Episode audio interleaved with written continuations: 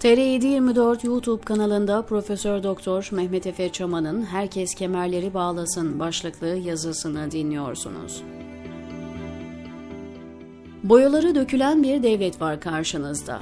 İşlemeyen müesseseleri işleyenlerini kat be kat geride bırakmış. Makinenin sağlam çarkları darmadağın olmuş çarkların arasında tek tük artık. İçler acısı bir durumla karşı karşıya ülke. İnsan haklarından ekonomiye, hukuktan bürokrasiye, eğitimden sağlığa, altyapısından istihdama, dış politikadan askeriyeye aklınıza ne gelirse perişan.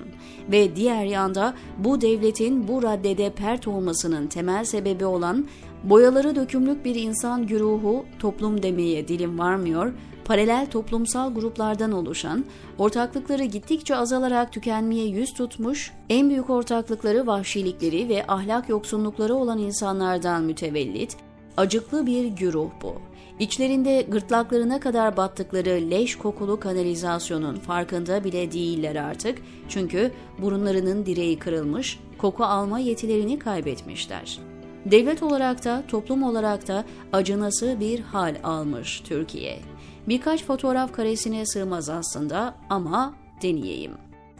Sur 2015 yılında uzaktan ağır silahlarla bombalanırken ölen oğlunun naaşını alabilmek için 6 yılı aşkın zamandır uğraşan, didinen, mücadele veren acılı bir babanın eline bir torba tutuşturmuşlar. Al oğlunun kemikleri bu torbada işte demişler. Düşünebiliyor musunuz? Bunu yapan devlete devlettir demek mümkün müdür? Barbar dönemlerde hatta insanların mağaralarda yaşadığı taş devrinde bile ölülerin bedenine saygı esastı.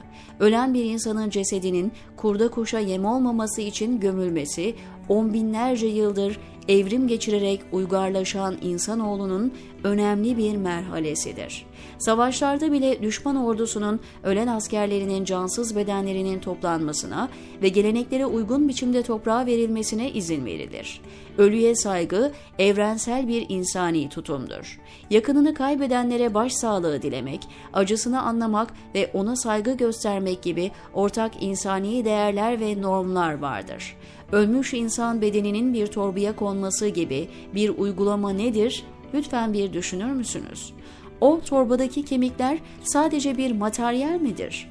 O gencin ölümüne neden olmuş devlet, onun kemiklerini bir torbaya doldurup o torbayı acılar içindeki bir babanın eline tutuşturuyorsa kimse kusura bakmasın. O ülke ve o toplum bitmiştir. Böylesi bir hunharlık ve barbarlık tüm sorunlardan daha vahimdir ve elimdir. Bir başka fotoğraf karesi sunayım din adamı görünümünde biri bir videoda kız çocuklarının nasıl davranmaları gerektiğine ilişkin ahkam keserken bir kız çocuğunun üzerine giydiği tayttan bahsediyor. Neymiş? Kızın başında örtüsü varmış ama altındaki açık renk tayttan vücut hatları belli oluyormuş. Bu da inançlı Müslümanları tahrik ediyormuş. Yobaz bu pedofil ve sapık düşüncelerinden utanmadan tecavüzü haklı çıkartacak, meşru gösterecek yorumlarda bulunuyor mide bulandırıcı, tiksinç bir video. Keşke bu bakışa sahip olan sadece bu sapık olsaydı. Maalesef toplumda ciddi karşılığı olan bir bakış açısı ki buna ben yalancı ahlak diyorum. İnsanların uçkuruna odaklanan, öz, nefis terbiyesini değil, başkalarının hatasını bulmayı merkezine alan, insani değerlerden, insan hakları ve temel hürriyetlerden nasibini almamış, çiğ ve vahşi bir mentalite bu ve de çok ama çok yaygın. Diğer bir fotoğraf devleti huzurlarınıza getiriyor. Mafya lideri Alaaddin Çakıcı ile MHP Genel Başkanı Devlet Bahçeli yine buluşmuşlar. Bahçeli ve Çakıcı kol kola girmiş, yürürlerken çekilmiş bir fotoğraf karesi, adeta ansiklopedilerde Türkiye rejimi maddesinden kullanılacak kadar önemli içerdiği detaylar itibarıyla. Erdoğan'ın ve AKP'nin ortağı olmasından dolayı rejimin taşıyıcı kolonlarından biri olan bir partinin genel başkanının organize suç örgütü lideri olduğu bilinen bir şahısla bir araya gelmesinin gereği nedir? Gereğini geçelim. Bu nasıl olabilmekte ve normal karşılanmakta? Bunun olabildiği bir yere devlet denebilir mi? Yahu insaf, cebinden bir ABD doları çıktığı için ya da devletin resmi izniyle açılmış kamu denetiminde olan bir bankada hesabı var diye veya çocuğunu YÖK'e bağlı bir vakıf üniversitesine yazdırdığından dolayı insanların hapishanede olduğu, teröristlikle suçlandığı, isimlerinin devletin resmi gazetelerinde yayınlandığı bir devlette mafya lideriyle iktidardaki bir siyasi partinin liderinin bir araya gelmesi hem de ulu orta tümüyle gözler önünde basının bulunduğu bir ortamda normaldir denebilir mi? Eğer bu normalse ki normal olduğu anlaşılıyor, bu yapıya hala devlet demek mümkün mü? Başka bir kareye geçelim. Serdar Ortaç adlı bir pop müzik sanatçısı en popüler televizyon kanallarından birinde Anadolu Yarımadası'na yakın Yunan adalarının 12 adaların alınması gerektiğinden bahsediyor. Onlar bizim adalarımızmış. Şu an alamayacağız ama Lozan'ı bekleyelim diyor. Lozan Antlaşması'nın 2023'te ortadan kalkacağını düşünüyor. Adam daha adaların isminden bir haber. Avşa'ya en yakınını alalım falan diyor. Tam bir vaudeville bu. Çünkü Avşa Ege'de değil. Marmara Denizi'nde. Üstelik zaten Türkiye'ye ait. Marmara Denizi bir iç deniz ve doğal olarak orada Yunanistan'a ait bir adada bulunmuyor. Şimdi Serdar Ortaç bunları söylemiş. Bunun ne önemi var diyenler çıkacaktır. Mesele Ortaç'ın yayılmacı, faşizan cümleleri ya da cehaleti falan değil. Yunan adalarının geri alınması gerektiği düşüncesi bu rejim tarafından bilinçli bir propaganda kampanyasıyla halka aşılandı. Cahil kesimlere Lozan Antlaşması'nın 100 yıllık bir süresi olduğu, bu sürenin 2023'te dolmasıyla beraber yürürlükten kalkacağı düşüncesi kabul ettirildi.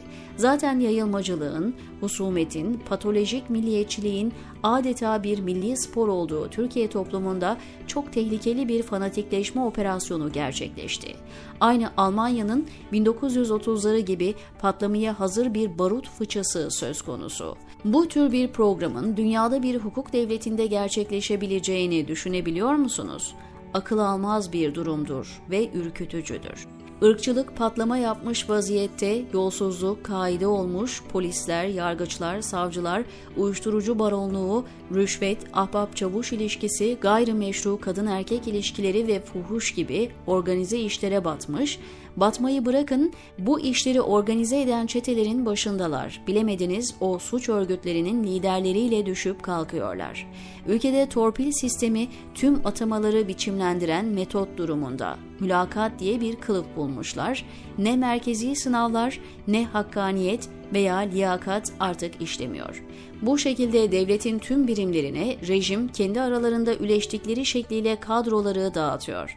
Normal vatandaşın kamu hizmetine girmesine olanak yok. Bitmedi. İhale düzeni tümüyle bu kokuşmuş sistemin yöneticilerine bağlanmış.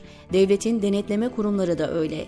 İhalelerde yaptıkları gayrimeşru ve abrakadabra işler ayyuka çıkmış. Siyasetin en tepesindeki makam bu işi haraca bağlamış, oradan komisyon alıyor. Bu hortumlama düzeni en tepeden en aşağı birimlere kadar devlet teşkilatının her kademesini çürütmüş, kokuşturmuş. Ahlaklı ve yasalara saygılı bir memurun bu sistemde barınmasına ya da daha doğrusu barındırılmasına imkan yok. Gülşen olayında da Sedat Peker'in ifşalarında da başta CHP lideri Kemal Kılıçdaroğlu olmak üzere herkesin sorduğu soru şu. Bu ülkede dürüst bir savcı, dürüst bir hakim ne zaman çıkacak? Bunlar tabii 17 Aralık 2013'ü unutmuş gibi yapıyor. O zaman oğluyla fısıldaşarak paraların sıfırlanması talimatını veren bir başbakan vardı. Hatırladınız mı Sayın Kılıçdaroğlu ve diğer sözde muhalif liderler? 17 Aralık 2013 soruşturmalarının nasıl apar topar sonlandırıldığını, soruşturmaları yürüten savcıların ve davalara bakan yargıçların hukuksuzca sürüldüklerini, sonra başlarına gelmeyen kalmadığını bilmiyor musunuz? O soruşturmaları emniyet ayağında yürüten polis memurlarının başına neler geldi haberiniz yok mu sizin? Hatta geçtik memurları, memurların eşlerine, çocuklarına neler yapıldı biliyor musunuz?'' Şimdi elbette bilmezden gelmek ya da düşük profilli, suya sabuna dokunmayan dürüstlük ve temizlik mesajları vermek kolay. Oysa sizler o zaman devletin anayasal güçler ayrılığı ilkesinin ortadan kaldırılmasına göz yumdunuz. Anayasanın tecavüze uğraması bile sizi rahatsız etmemişti. Şimdi neyin şikayetidir bu? Herkesi salak mı zannediyorsunuz? Toplumun kokuşması da, devletin kanalizasyon haline getirilmesi de herkesin gözleri önünde gerçekleşti. Kimse biz bilmiyorduk diyemez. Türkiye'de yaşananlar tesadüf değil.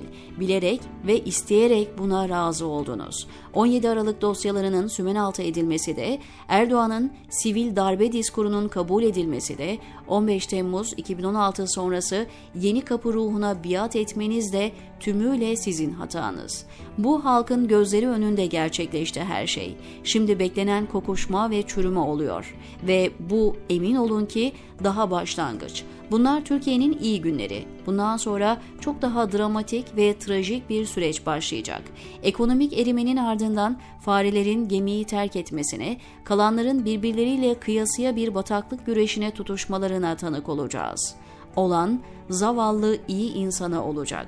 Gönül isterdi ki o iyi insanların oranı çok daha yüksek olsaydı.